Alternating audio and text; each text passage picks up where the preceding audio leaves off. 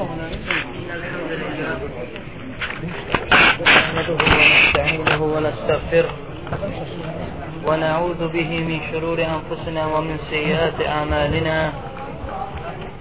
من يهده الله فلا مضل له ومن يضلل فلا هادي له وأشهد أن لا إله إلا الله وحده لا شريك له وأشهد أن محمدا عبده ورسوله. رب اشرح لي صدري ويسر لي أمري واحلل عقدة من لساني يفقه قولي أما بعد biz keçən müddə Ubadət ibn Samit radiyallahu anhun həbsində qaldıq. Ubadət ibn Samit radiyallahu anhu rəvayət eləyir ki, Peyğəmbər sallallahu aleyhi və səlləm buyurdu. Kim şahidlik verərsə Allahdan başqa ibadətə layiq olan Tanrı yoxdur və onun şəriki yoxdur və Məhəmməd sallallahu aleyhi və səlləm onun qulu və elçisidir və İsa aleyhissalam onun qulu və elçisidir və Məryəmə Allah subhanət hələ Məryəmə göndərdiyi kəlmə və ruh ondandır, yəni Allah taladandır.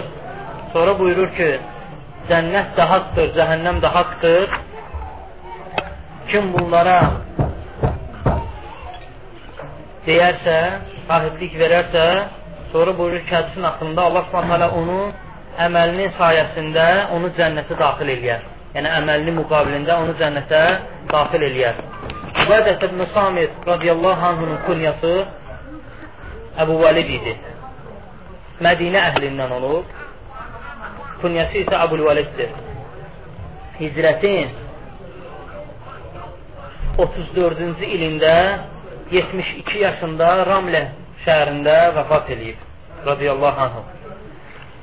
Buyurur ki, Peyğəmbər sallallahu aleyhi və səlləm dedi, kim şahidlik verərsə Allahdan başqa ibadətə layiq olan Tanrı yoxdur və onun şərki yoxdur. Kim, buyurur ki, kim şahidlik verərsə. Şək yoxdur ki, İslam dinində şahidlik vermək elmlə olur. Yəni, elmsiz şahidlik vermək olmur. Kimsə şahidlik verirsə, o özü bilməlidir ki, nəyə şahidlik verir. Mən buna görə də ilk tələb olunan şey elmdir. Sizə Allah Subhanahu taala buyurur ki: "İllə men şəhidə bil haqq və hum ya'lamun." Zuhruf surəsi 86-cı ayədə buyurur ki, mənasını bilərək haqqa şahadət verənlər istisnadır. Allah Subhanahu taala burada qeyd edir, mənasını bilərək. Ona görə də insan nəyə şahidlik verdiyini bilməlidir. Yəni ilk tələb olunan şey elmdir. Şahidlik vermək də necə olur? Şahidlik vermək dillə onu demək qəlblə dediyin şeyə etiqat eləmək və əməlinlə onu göstərmək. Bu üç şey biri-biri ilə bağlı olan şeydir. Əgər üç şeydən biri olmursa, o şahidlik vermək düzgün şahidlik deyir. Məhz ona görə münafiqlər buyurur, bu, necə ki, münafiqlər buyurur ki, Nəşhədu innəkə lə rəsulillah və rəsulullah deyir, biz şahidlik veririk ki, sən həqiqətən də Peyğəmbərsən. Allah subhanətələ görünə buyurur. Deyir ki, Vallahu ya'lemu innəkə rəsulü. Deyir, Allah, Allah s.ə. şahidlik verir ki, bilir ki, sən doğrudan da Peyğəmbərsən. Sonra buyurur ki, Vallahu yəşhədu innəl münafiqinə ləkəzibun. Allah s.ə. şahidlik verir ki, münafiqlər həqiqətən, həqiqətən yalansıdırlar. Baxmayaraq, onlar dili ilə deyirdilər ki, biz şahidlik veririk ki, sən həqiqətən də Peyğəmbərsən. Allah s.ə. 7 səmanın üzərindən vəhiy nazil eləyir ki, Allah Taala şahidlik verir ki, onlar yalansıdırlar. Nəyə görə? Çünki onlar dillə dediklərini qəlblə təsdiq eləmirdilər ona görə. Məs ona görə bu üç şey biri-biri ilə bağlı olan bağlıdır. Yəni dillə deməlisən, qəlblə onu təsdiq eləməlisən və əməlinlə onu göstərməlisən.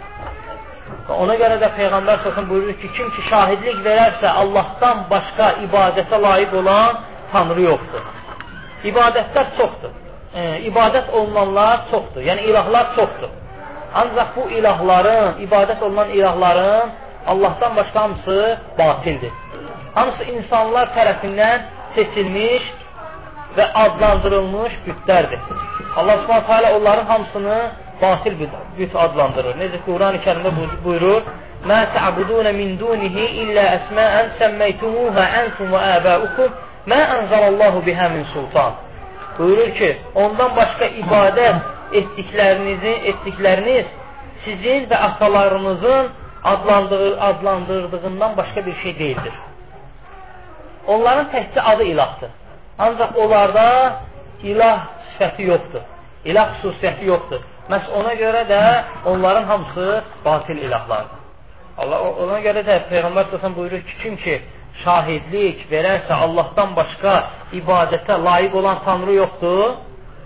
Və sonra buyurur ki, və həqiqətən Muhammed onun qulu və elçisidir. Məhəmməd Peyğəmbəri sallallahu aleyhi və səlləm hamımız tanıyırıq. Onun həyatını da dərinləməsi ilə öyrənməliyik. Bu bizim borcumuzdur. Çünki Peyğəmbəri bilməliyik. Peyğəmbərin həyatını, onun keçdiyi çətin dövrləri, çətin günləri hamımız bilməliyik. Çünki onun hər bir hekayəsində ibrətlər var. Ona görə hər bir müsəlman onun həyatını geniş bilməlidir. Peyğəmbər sallallahu aleyhi və səlləm də bizim kimi adi bir insan idi.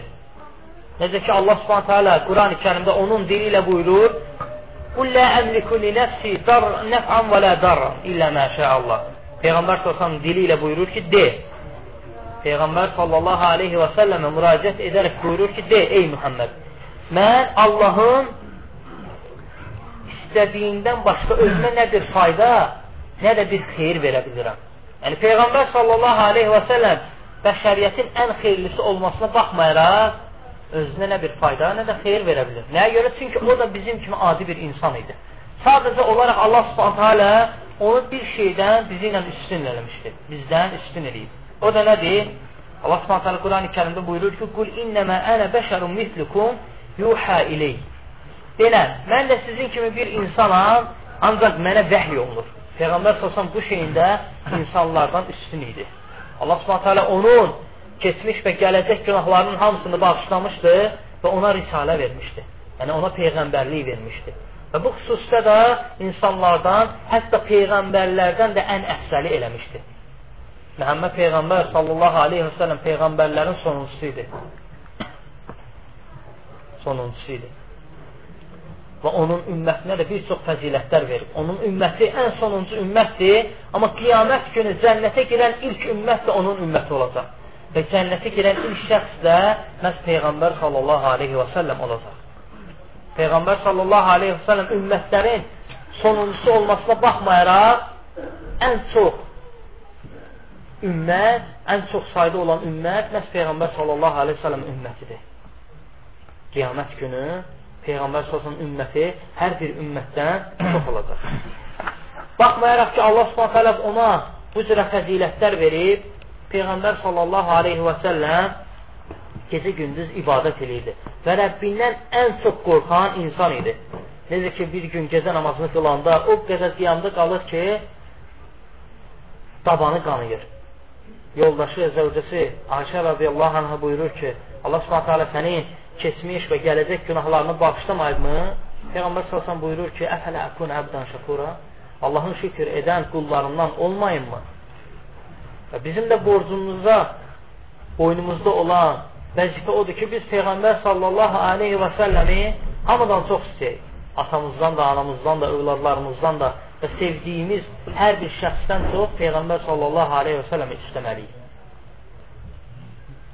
Və onun yolunu tutub getməliyik. Peyğəmbər sallallahu aleyhi və səlləm bizə nəyi əmr edirdisə, biz onu yerinə yetirməliyik və bizi nəyi qadağan edirdisə, ondan çəkinməliyik. Məhz Peyğəmbər sallallahu aleyhi və səlləmə və Allaha olan sevgimizi biz bu cürə göstərə bilərik. Necə ki, Allah subhanətə alə Quran-ı kərimdə Quran-ı kərimdə bir ayə nazil eləyir. Alimlər bu ayə imtihan ayəsi deyirlər. Bu ayə necə nazil olur? Bir qrup insan iddia edirlər ki, biz Allah subhanətə çox istəyirik. Allah talanı sevirik. Allah taala bu ayəni nazil endirir. Qul in kuntum tuhibbunallahi fəttəbunu. Qul in kuntum tuhibbunallah fəttəbi'uni. Denən ey Muhammed, əgər siz Allahı sevirsinizsə, mənə tabi olun. Yəni Peyğəmbərə tabi olun. Sonra buyurur ki, Allah subhanət sizi sevsin və sizin günahlarınızı bağışlasın. Peyğəmbər sallallahu aleyhi və səlləmə sevgi bu cür olur. Və sonra buyurur ki, Peyğəmbər sallallahu aleyhi və səlləm və İsa aleyhissalam da Allahın qulu və elçisidir. Beş dənə böyük peyğəmbər vardır, hansı ki, onlar ulul əzm peyğəmbər adlanır. Onlar Nuh aleyhissalam, İbrahim, İsa, Musa və Muhammed sallallahu aleyhi və səlləmdir. Bu beş peyğəmbər ən üstün peyğəmbərlərdir. Bunlar ulul əzm peyğəmbəri adlanır. Onlardan da biri İsa aleyhissalamdır. Hər şəxs atasına mənsub edildiyi kimi o cürə tanınır. Yeganə insandır ki, İsa aleyhissalam anasına mənsub edilir. Ona görə Quran-ı kərimdə, Peyğəmbər sözün sünnəsində İslam kitablarında oxuduqda görürsən ki, yazılır ki, İsa ibn Məryəm, Məryəmin oğlu İsa. Nəyə görə? Çünki Allah subhanət hələ onu atasız dünyaya gətirib, ona görə. Bu da Allah subhanət hələnin bir möcüzəsidir. İsa aleyhissalam da biz onu Allahın qulu və Peyğəmbəri olduğuna iman gətiririk. İsa aleyhissalamın şəriətinə də iman gətiririk. Sadəcə olaraq İsa əleyhissalamın şəriəti bizdən qabaqki olan şəriət olduğu üçün üç şeyi ona tətbiq edirik. Necə ki, başqa şəriətlərə də bu şeyi tətbiq edirik.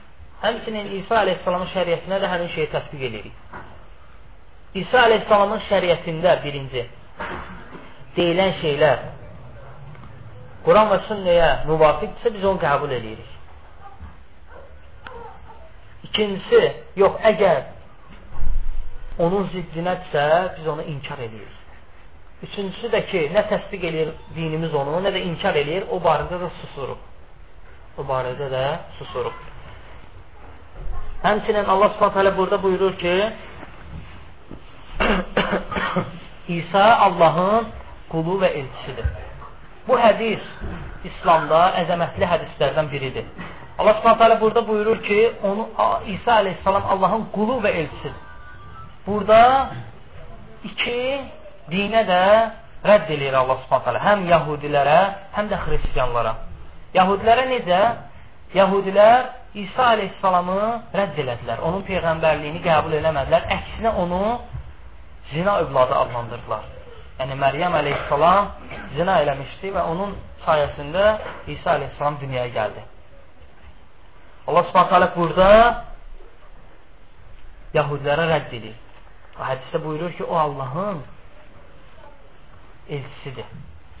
Və həmçinin xristiyanların özünə də rədd eləyir bu hədisdə. Çünki xristiyanlar iddia eləyirlər ki, Allah subhanətə Allah taala üçdür. Onlardan da birisi, biri İsa aleyhissalamdır. Bu hədisdə Peyğəmbər salsan bəyan eləyir ki, İsa aleyhissalam Allahın quludur. Bu kəlmədən də biz xristiyanlara rədd edirik. Ona görə Allah Subhanahu buyurur ki, İsa əleyhissalam Allahın qulu və onun elçisidir. Sonra buyurur ki, Məryəmə göndərdiyi kəlmə və ruh ondandır, yəni Allah Taala'dandır. Kəlmə və ruh nə deməkdir? Çünki İsa kəlmə dedikdə ol kəlməsi nəzərdə tutulur. Çünki İsa əleyhissalam atasız dünyaya gəlib. Allah Taala onu bir kəlmə ilə yaradıb, ol kəlməsi ilə. Yəni o Allah Taala ol deməklə İsa əleyhissalam olub. Anasının qarnında, Məryəm əleyhissalamın qarnında Cibril əleyhissalam vasitəsilə olub. Yəni Cibril əleyhissalam ruhu gətirib. Allah Taala ol deməklə olub. Bəzi firqələr burada azır Mu'təzilə firqəsi kimi, biz onları qeyd eləmirik. Yəni onu qeyd eləyirik ki, İsa əleyhissalam ol kəlməsi deyil. Ol kəlməsindən yaranıb. Mu'təzilə firqəsi bunu qarışdırır. E, Xristianlar bunu qarışdırır. Deyirlər ki, İsa əleyhissalam ol kəlməsidir. Yəni Allah ol kəlməsi, yəni Allah Taala deyir ol, İsa əleyhissalam da həmin oldu. Ona görə deyirlər ki, Allahın sayı 3-dür. Amma müsəlmanlar deyir ki, və düzgün də budur ki, İsa əleyhissalam özü ol kəlməsi deyil, ol kəlməsindən yaranıb. Aydın oldu, biraz gəlizdir. Yəni Allah Taala ol deməklə İsa əleyhissalam yaranıb. Aydındır? Və Allah Taala Burada e, hədisdə Peyğəmbər sallallahu buyurur ki, və Məryəmə göndərdiyi ruh ondandır. Yəni Allah Taala'dandır. Allah Taala ruhu özünə mənsub edir. Amma bu o demək deyil ki, Allah Taaladan durur. Sadəcə olaraq Allah Taala bildirmək istəyir ki, o ruh, yaratdığı ruhlardan ona göndərib. Aydındır? İsa əleyhissalamı da yəni Allah Taala yaratdığı ruhlardan ona göndərib. Yəni Allah Taala öz ruhundan, Allah Taala öz ruhundan ona göndərməyib. Bu hədis biraz qəliz hədisdir. Diqqətli olun. Sonra buyurur ki: "Vel cennetu haqqun ve nar haqq." Cənnət də haqqdır, cəhənnəm də haqqdır. Cənnət hamımıza məlumdur. Allah Subhanahu taala onu sevimli qulları, rəhm elədiyi qulları üçün hazırladığı bir yerdir. Ora Allahın istədiyi şəxslər düşəcək. Allahın rəhmətini qazanan, Allahın sevgisini qazanan şəxslər ora düşəcək.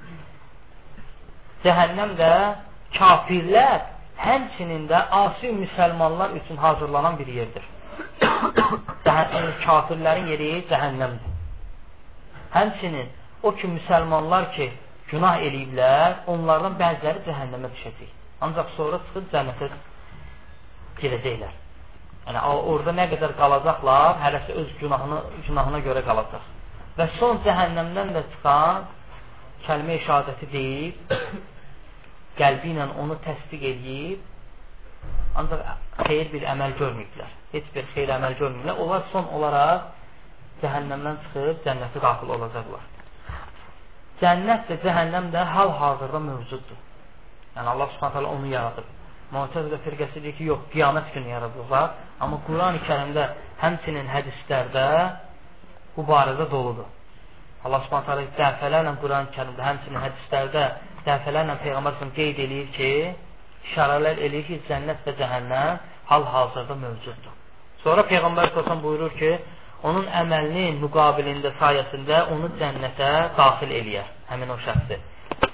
Yəni, ola bilər həmin şəxs əməlinin müqabilində ilk olaraq cənnətə düşsün, cəhənnəmi görmədən, əzab görmədən cənnətə düşsün. Ola bilər də ki, müsəlman çoxlu günah eləyib, lakin bunlara şahidlik verib, cəhənnəmə girəcək, cəzasını çəkdikdən sonra cənnətə daxil olacaq. Hədisi Buxari və Müslüm rəvayət eləyib. Buxari haqqında keçən dərsimizdə danışdıq. İnşallah gələn dərslərimizdə də Müslimin həyatı haqqında danışarıq. Çünki bu iki şəxsi hər bir müsəlman tanımalıdır. Çünki onların yazdığı səhih kitab Qurani Kərimdən sonra ən səhih kitablar adlanır. Sonra Ötbən radiyallahu anhu buyurur ki, Peyğəmbər sallallahu aleyhi və sələm dedi. Allah subhanət hələ Allah, e, Peyğəmbər sallallahu aleyhi və sələm buyurur. Allahın rizasını qazanmaq üçün Lə iləhə illallah, Lə iləhə illallah deyən kəsə Allah cəhənnəm odunu haram buyurmuşdur, haram etmişdir. Ötbən ibn Məlik ənsarlardandır, yəni Mədinə əhlindəndir, ənsarlardandır və qövmünə namaz qıldırırdı. Öz qövmünün imamı idi. Ötbən ibn Məlik radiyallahu anh. Sonra gözü zəifləyir və kör olur. Və gəlir Peyğəmbər sallallahu aleyhi və sələmin yanına, deyir ki, ya Rasulullah, gəl mənim evimdə namaz qıl, evimin bir küncündə namaz qıl, mən onlara müsallə götürüm. Yəni, daimi olaraq orada namaz qılım.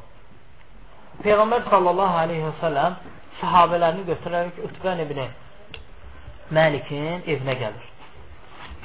Onların içində Abu Bakır və Ömər radiyallahu anhın da var idi.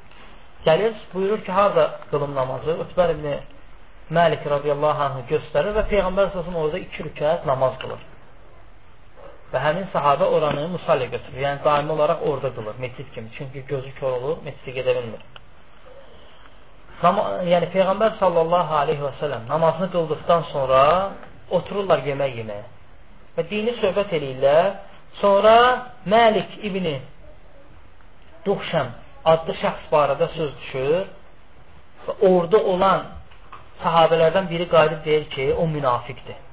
Yəni, Məlik İbni Duxşən, bu, Duxşən münafiqdir. Peyğəmbər sallallahu aleyhi ve sellem buyurur ki, elə deməyin. Kim ki Allahın rizasını qazanmaq üçün La iləhə illallah deyərsə, Allah Taala cəhənnəm odunu ona haram edər. Yəni cəhənnəmə, cəhənnəmə düş, yəni cəhənnəm odunu ona haram buyurmuşdur. Həmin bu hədisidir. Yəni, bu hədisi Peyğəmbər sallallahu deməyin səbəbi həmin bu hadisədir. Baxın, Peyğəmbər sallallahu aleyhi ve sellem buyurur ki, kim ki La iləhə illallah, yəni Allahdan başqa ibadətə layiq olan Tanrı yoxdur deyərsə, Allah Taala onu cəhənnəmi haram buyurmuşdur. Cəhənnəmi haram buyurmuşdur. Yəni, cəhənnəm odunu həmin şəxsə haram buyurmuşdur. Bu hədisdən görsənir ki, biz zahirən hökm veririk. Deyirsə, la iləhə illallah deyirsə, biz onu müsəlman kimi qəb qəbul edirik. Onun qəlbini biz araşdırmırıq. Necə ki, Peyğəmbər sözün burada araşdırmadı. Həmçinin bir şərt var ki, ixlas olmalıdır. Yəni, ixlasla o kəlməni deməlidir. İxlasla o kəlməni deməlidir. Yəni, la iləhə illallah kəlməsini ixlasla deməlidir. Biz də ixlası bu hədisdən götürürük. Çünki Allah Subhanahu buyurur ki, Allahın e, peyğəmbər sallallahu buyurur ki, Allahın rizasını qazanmaq üçün la ilahe illallah deyərsən. Allah Taala ona cəhənnəm odunu hayra haram buyurmuşdur. Yəni necə haram buyurmuşdur? Əgər həmin şəxs əməlləri, salih əməlləri və ibadəti çoxdursa, ilk anda onun cəh cəhənnəmə düşməsini haram buyurmuşdur. Yəni həmin şəxs ilk olaraq cənnətə düşəcək. İlk anda belə cəhənnəm əzabını görmədən belə cənnətə düşəcəkdir. İkincisi də yox, bu kəlməni deyib və həqiqətən də onu təsdiq eləyib. Ancaq günahları çox olur. Həmin şəxs cəhənnəmə düşəcək.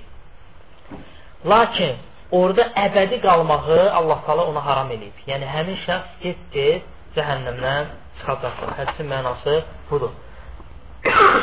Hədisi də Buxari və Müslim rəvayət edib. Buxari və Müslim rəvayət edib, səhih hədisdir. Sonra üçüncü hədisi müəllif rəhməhullah qeyd edir. Əbu Səid el-Xudri radiyallahu anh buyurur ki, Peyğəmbər sallallahu aleyhi ve sellem dedi, Musa aleyhissalam buyurdu. Yəni Peyğəmbər sallallahu buyurur ki, Musa aleyhissalam buyurur. Ey Rəbbim, mənə elə bir şey öyrət ki, onunla onunla dua edin və onun vasitəsi ilə səni zikr edeyim. Musa aleyhissalam bunu Allah talaya deyir. Yəni deyir ki, onun vasitəsi ilə sənə dua edeyim və onun vasitəsi ilə səni zikr edeyim. Allah Taala da Musa aleyhissalama buyurur ki, ey Musa, deyən ki, la iləhə illallah, yəni bu kəlməni deyir. Musa aleyhissalam buyurur ki, ey Rəbbim, bütün qulların bunu deyir. Yəni, bütün qulların bu kəlməni deyir. Allah Teala Musaya buyurur ki, ey Musa, əgər yetdi səma və həmçinin yetdi qat səma və həmçinin yetdi qat yer və onlar arasında olan hər bir şey məndən başqa tərəzinin bir gözünə və la iləhə illallah kəlməsi tərəzinin bir gözünə qoysan, la iləhə illallah kəlməsi ağır gələr. La iləhə illallah kəlməsi ağır gələr. Bu hədisi də Nəsəi Təbarani, Beyhaqqi, Həkim və İbn-i Hibban rəvayət edib. Həkim və İbn-i Hibban səhiləşdirsə də, əksər alimlər bu hədisi zəif sayır. Yəni, çox alimlər bu hədisi zəif deyiblər. Namaza nə qədər qalır? Burada hədisdə bir kəlməni xatırlatmaq istəyirəm. Hədis barədə inşallah geniş danışacağıq. Amma hədisdə bir kəlmə haqqında danışmaq istəyirəm. Musa əleyhissalam buyurur ki, mənə elə bir şey öyrət ki, onun sayəsində səni onunla səni zikr eləyim və onun onunla sənə dua eləyim və onun vasitəsilə sənə dua eləyim. O bu sözü deyir Musa əleyhissalam. Buyurur ki, səni zikr edeyim. Ümumiyyətlə, müsəlmanların bu dəqiqə yəni səhlankarlıqla yanaşdıqları şeylərdən biri də Allahı zikr eləməkdir. Allahı zikr eləməkdir. Baxmayaraq ki, zikr eləməyin savabı həddindən artıq çoxdur. Ancaq görürsən ki, müsəlmanlar biz də içinə daxil olmaqla Allahı çox az-az zikr eləyirik. Çox az-az zikr eləyirik. Hansı ki, Allah subhanət hələ özü Quran-ı kərimdə bizə Allahı çoxlu zikr eləməyə əmr edir. Necə ki, Əhzab surəsinin 41-ci ayəsində buyurur ki, ey iman gətirənlər, Allahı tez-tez yada salın. Yəni, tez-tez onu zikr edin. Səhər və axşam onun şəhərinə, şəninə təriflər deyin. Yəni, zikr edin. Allah subhanət hələ bu ayədə zikr eləməyi bizə əmr eləyir. Necə? Həmçinin Quran-ı kərim belə ayələrlə doludur. Peyğəmbər sallallahu aleyhi və sələm özü dəfələrlə bizə zikr eləməyi əmr edir. Həmçinin zikr etməyi həvəsləndirir. Zikr etməyin böyük bir savabı var. Hansı ki, o savabdan bu dəqiqə çox, bir, çox müsəlmanlar məhrum olurlar. Əbu Hüreyrə radiyallahu anh rəvayət edir ki, Peyğəmbər sallallahu aleyhi və sələm buyurdu, müfərridlər hamını geridə qoydular. Sahabələr soruşur ki, ya Rasulullah, müfərridlər kimdir? Peyğəmbər sallallahu aleyhi ve sellem buyurur ki, Allahı çoxlu zikr edən kişi və qadınlar. Allahı çoxlu zikr e, Allahı çoxlu zikr edən kişi və qadınları Peyğəmbər sallallahu müfərridlər adlanır. Və buyurur ki, onlar hamını geridə qoydular. Savab baxımından hamını geridə qoydular. Həmçinin Allah Subhanahu onu çoxlu zikr edənləri tərifləyərək buyurur ki, onlar, yəni möminlər, gecə və gündüz usanmadan Allahın şəninə təriflər deyərlər. Möminlərin sifətlərini sayır. Həmçinin möminlərin yüksək sifətlərindən də biri budur ki, Allah Taalanın şəninə gecə və gündüz təriflər deyirlər. Allahı çoxlu yad edirlər. Kim ki Allahı çoxlu yad edərsə, Allah Subhanahu həmin şəxsi çoxlu yad edər. Necə ki, Quran-ı kərimdə buyurur, siz məni yad edin ki, mən də sizi yad edim. Əzquruni əzqurukum. Məni çoxlu yad edin ki, mən də sizi yad edim. Zikr elə bir şeydir ki, onu çoxlu etdikdə Allah subhanət həmin insanı qoruyur, həmin şəxsə kömək olur. Buna aid bizə bir hekayə də danışır. Yunus əleyhissalamın hekayəsini. Allah Taala özünüz bilirsiniz Yunus əleyhissalam qövmünü tərk edir və gedir. Və onu balina udur. Allah Subhanahu taala da onu balinanın qanunundan xilas edir. Quran-ı Kərimdə də bəyan eləyir nəyə görə onu xilas edir. Allah Allah Taala Quran-ı Kərimdə buyurur ki: Əgər o Allaha tərif deyənlərdən olmasaydı, balığın qarnında qiyamət gününə qədər qalardı. Fikir versiniz ayədir. Əgər o Allahın Allaha tərif deyənlərdən, yəni Allahı zikr edənlərdən olmasaydı, qiyamətə qədər Allahın e, qiyamətə qədər balığın qarnında, e, qarnında qalardı. Onu çıxartmağının səbəbi Allah Taala'nın çoxlu zikr eləməsi idi ona görə. Peyğəmbər sallallahu aleyhi ve sellem özü zikr edənlərin ən kamili idi. Gecə və gündüz həmin insanın Peyğəmbər sallallahu aleyhi ve sellem ağzı zikr etməkdən dayanmazdı. Ayşə radiyallahu anhə, rəvayət edir ki, Peyğəmbər sallallahu aleyhi ve sellem Allahı hər anında zikr edərdi. Ayaq üstə otura-otura, uzana-uzana Allahı zikr edərdi.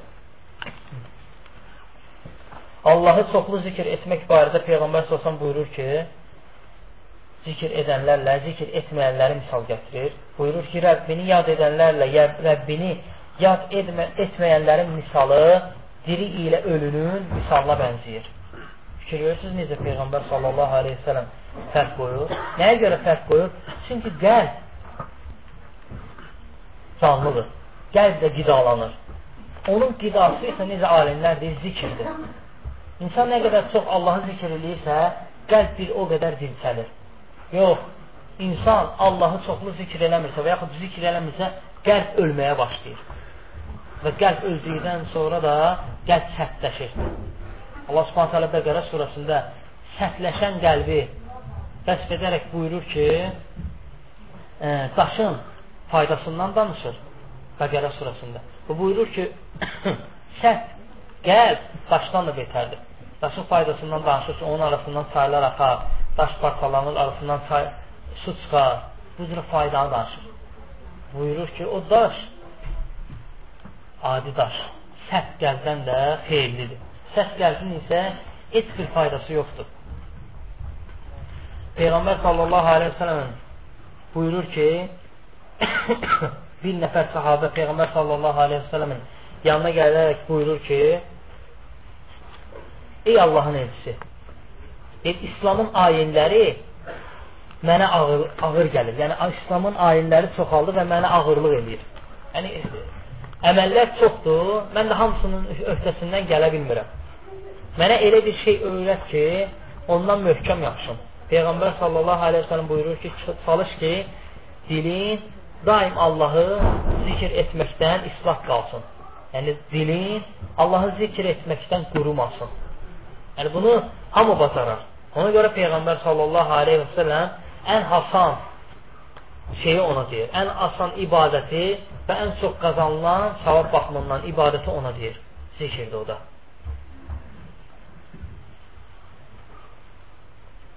Zikrin fəziləti barədə Peyğəmbər sallallahu aleyhi və sələm buyurur ki, sizə əməllərinizin ən xeyirlisini, Allahın yanında ən təmiz olanını, dərəcələriniz içində ən yüksəyini, sizin üçün qızıl və gümüş sədəqə verməkdən daha xeyirlisini, düşməninizlə qarşılaşıb onu, onların boynunu vurmanızdan, həmçinin onlar və yaxud da onlar da sizin boynunuzu, yəni şəhid olmanızdan daha xeyirlisini sizə bildirinmi? Sahabələr deyir ki, bəli, bildir ya Rasulullah. Peyğəmbər sallallahu aleyhi ve sellem buyurur ki, uza Allahı çoxlu zikr edin. Fikir verirsiniz fəzilətə. Zikr elə bir ibadətdir ki, az əməl sayəsində çoxlu savab qazanmaq olur. Başqa ibadətlərdən fərqlidir. Az əməl eləyirsən, ancaq ki, çoxlu savab qazanırsan. Necə ki, Əbu, Əbu Vaqqas radiyallahu anhu buyurur ki, Peyğəmbər sallallahu aleyhi sellem dedi, sizlərdən hər gün min savab qazana, qazanmaqda aciz qalanı varmı? Yəni, min savab qazana bilərsinizmi? Aciz qalanı varmı bu savabı qazanmağa? Onlardan biri buyurur ki, sahabələrdən, bizlərdən biri min savab necə qazana bilər? Hamımız bu sualı verərdik. Peyğəmbər səsinin yanında olsun. Min savabı birdən birə necə qazanıb ya Rasulullah? Peyğəmbər səsən görünə buyurur. Kim 100 dəfə Subhanallah deyərsə, ona min savab yazılar, yaxud da min günahı silinər. Gün ərzində. Təsəvvür edirsiniz? 100 dəfə Subhanallah deməklə gün ərzində min savab qazanmaq olar. Subhanallah elə bir zikirdir ki, balaca zikirlərdəndir. Yəni, 3 dəqiqə çəkər heç çox çəkməz 100 dəfə Subhanallah demək. 5 dəqiqə, 5 dəqiqə. Ab uzağı 10 dəqiqə çəksin.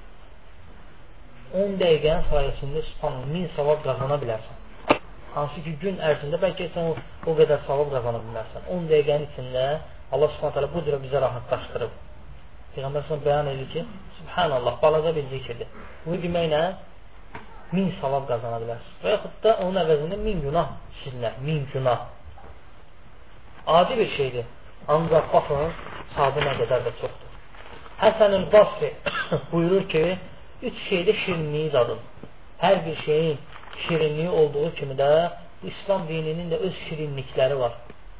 O şirinliyi isə Peyğəmbər sallallahu aleyhi ve sellem sələfin bizə bəyan elədiyi yollarla nail olmaq olur. Həsən el-Basrə buyurur ki, üç şeydə şirinliyi dadın.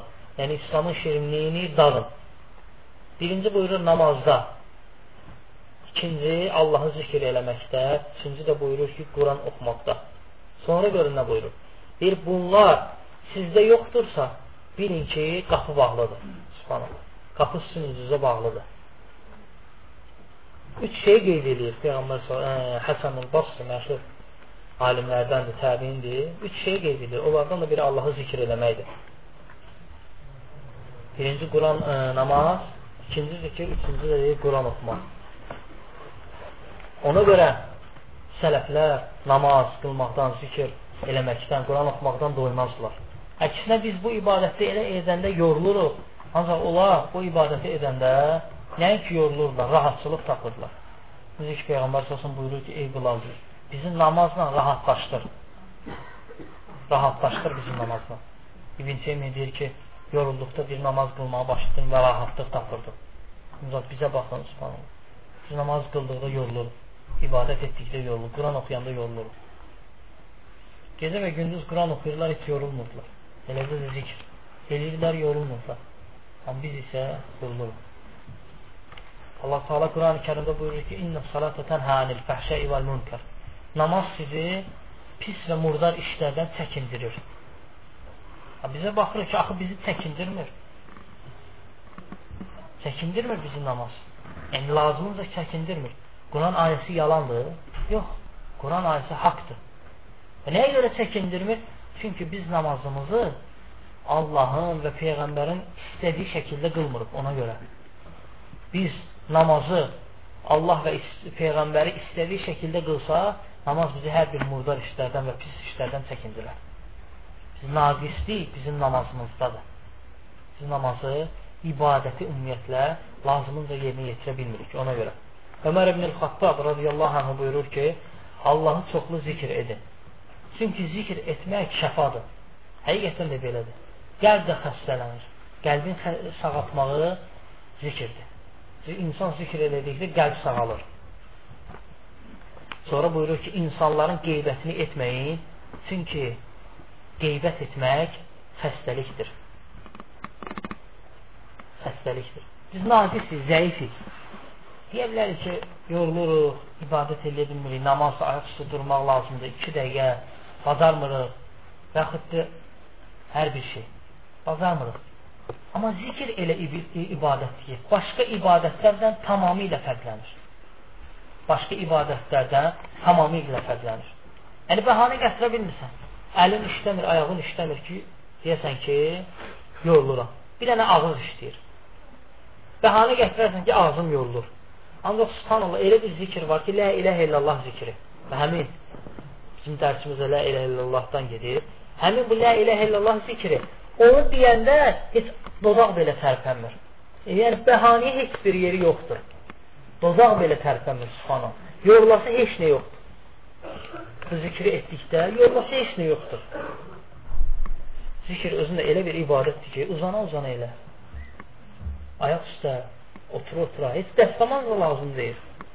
Başqa ibadətlərdən fərqli olaraq dəstəmaz da lazım deyil. Harada gelirsən, gel, zikr eləyə bilərsən. Allah subhanət hələ bu cürə asanlaşdırıb ki, biz çoxlu saat qazanaq. Ancaq onun müqabilində görürsən ki, biz bu xeyir əməldən məhrum oluruq. Səbəb də nədir? Günahlarımızdır. Zikr etməyin çoxlu faydaları var. Həddindən artıq çoxlu faydaları var. Birinci faydası odur ki, Allahı razı salır. Elə bir əməldir ki, ona etdikdə Allah hələ səndən razı qalır. Kimə desən ki, elə bir əməl istəyirsənmi ki, böyüyün yanında eləsən, böyük səndən razı olacaq, böyüyünü səndən razı olacaq. Hamı o əməli axtaracaq. Zikr də elə bir əməldir ki, Allah subhanət hələ razı salan əməllərdəndir.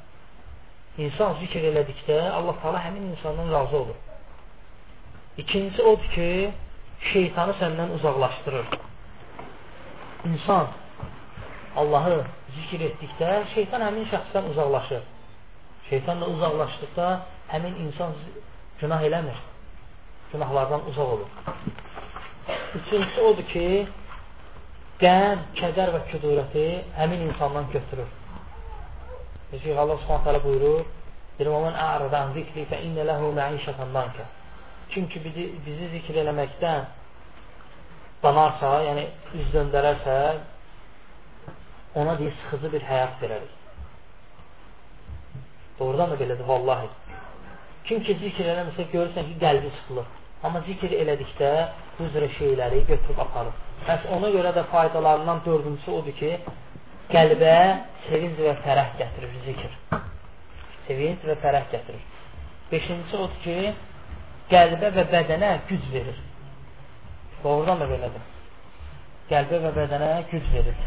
Dedi ki, sələflərin həyatına fikir verdikdə, yorulanda başlayırlar ibadət eləməyə, Allahı yad eləməyə, zikr eləməyə, rahatlıq tapırdılar. Altıncısı odur ki, qəlbi sərtləşdirməyə qoymur.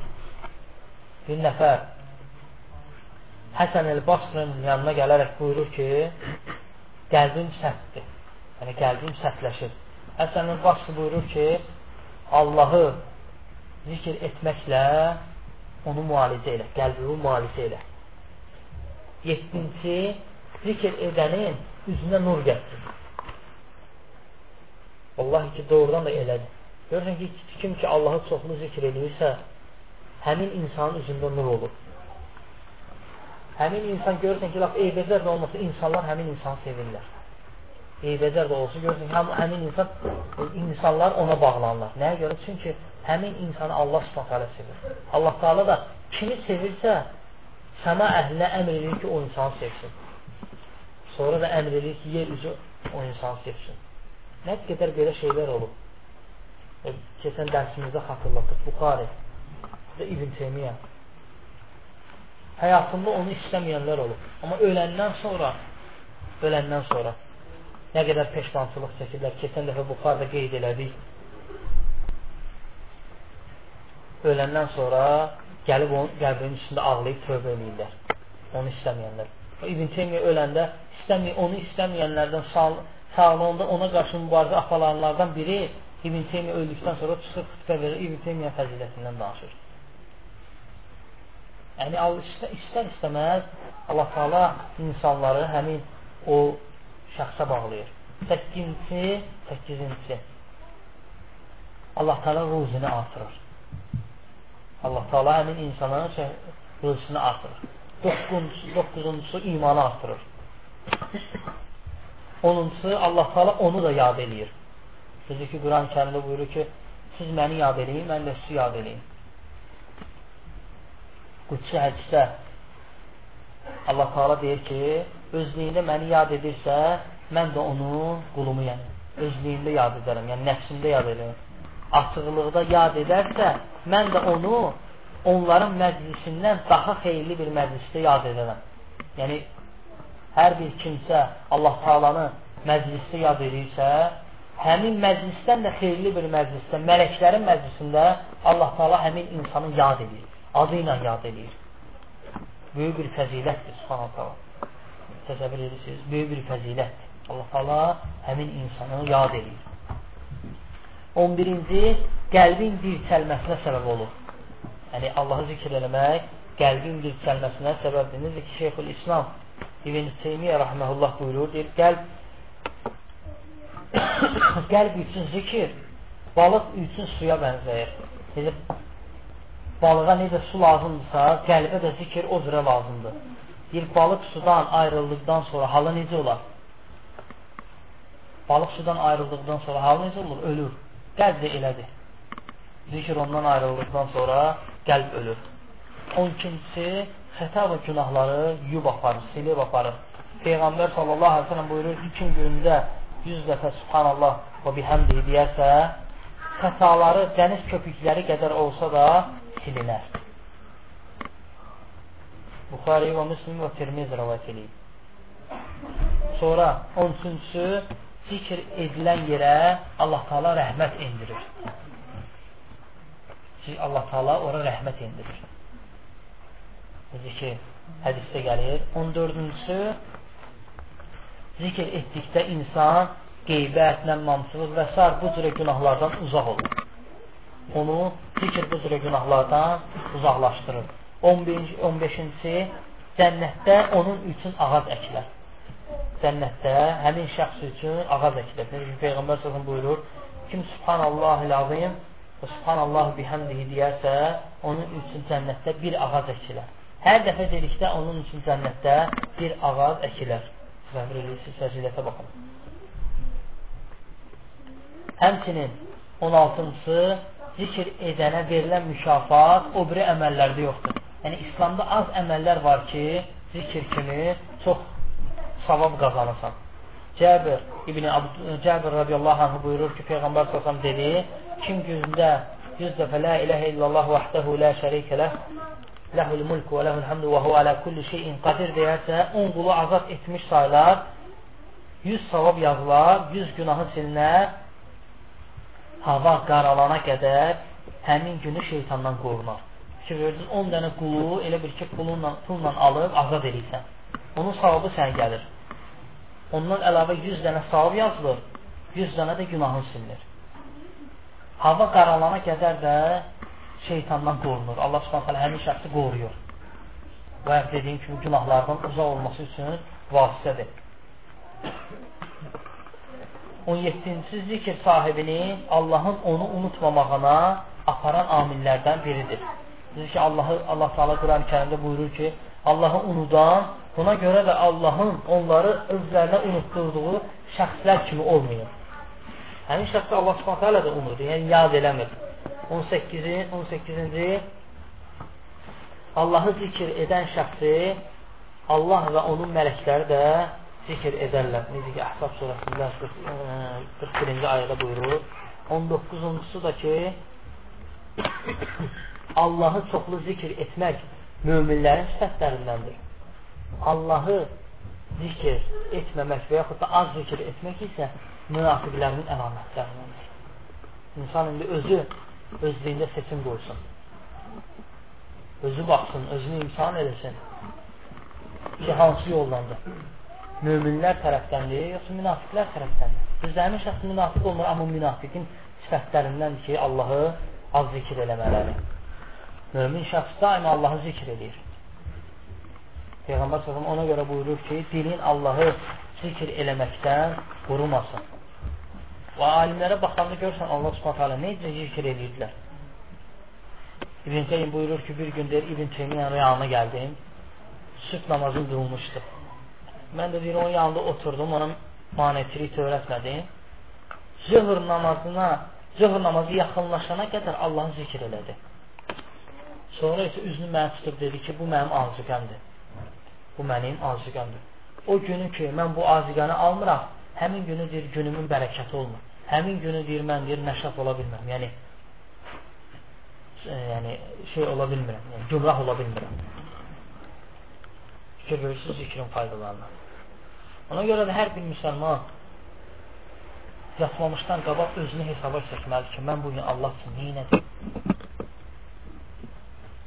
Çünki Allah Taala bizi hər bir əməlimizə görə sorğu-sual eləyəcək.